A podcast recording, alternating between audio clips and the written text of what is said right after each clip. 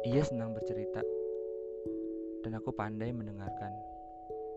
Sampai pada saat kita berubah, dan resmi menjadi sepasang teman, ia tetap senang bercerita, dan aku pun tetap pandai mendengarkan. Meskipun yang ia ceritakan ialah perihal lelaki barunya. Ia memang sebelumnya bertanya, apakah menceritakan ceritanya bersama lelaki lain adalah hal yang baik atau tidak. Dengan gagahnya diriku membalas, tidak, itu tidak masalah. Sial, lagi-lagi aku tak peduli dengan perasaan sendiri. Kadang terlalu peduli terhadap orang lain hingga lupa terhadap diri sendiri. Ia bercerita kisah barunya dari awal pertemuan hingga akhirnya dikecewakan.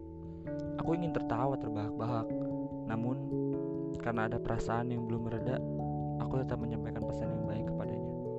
Aku berkata, mulai komitmen baru atas dasar kesiapan, bukan kesepian.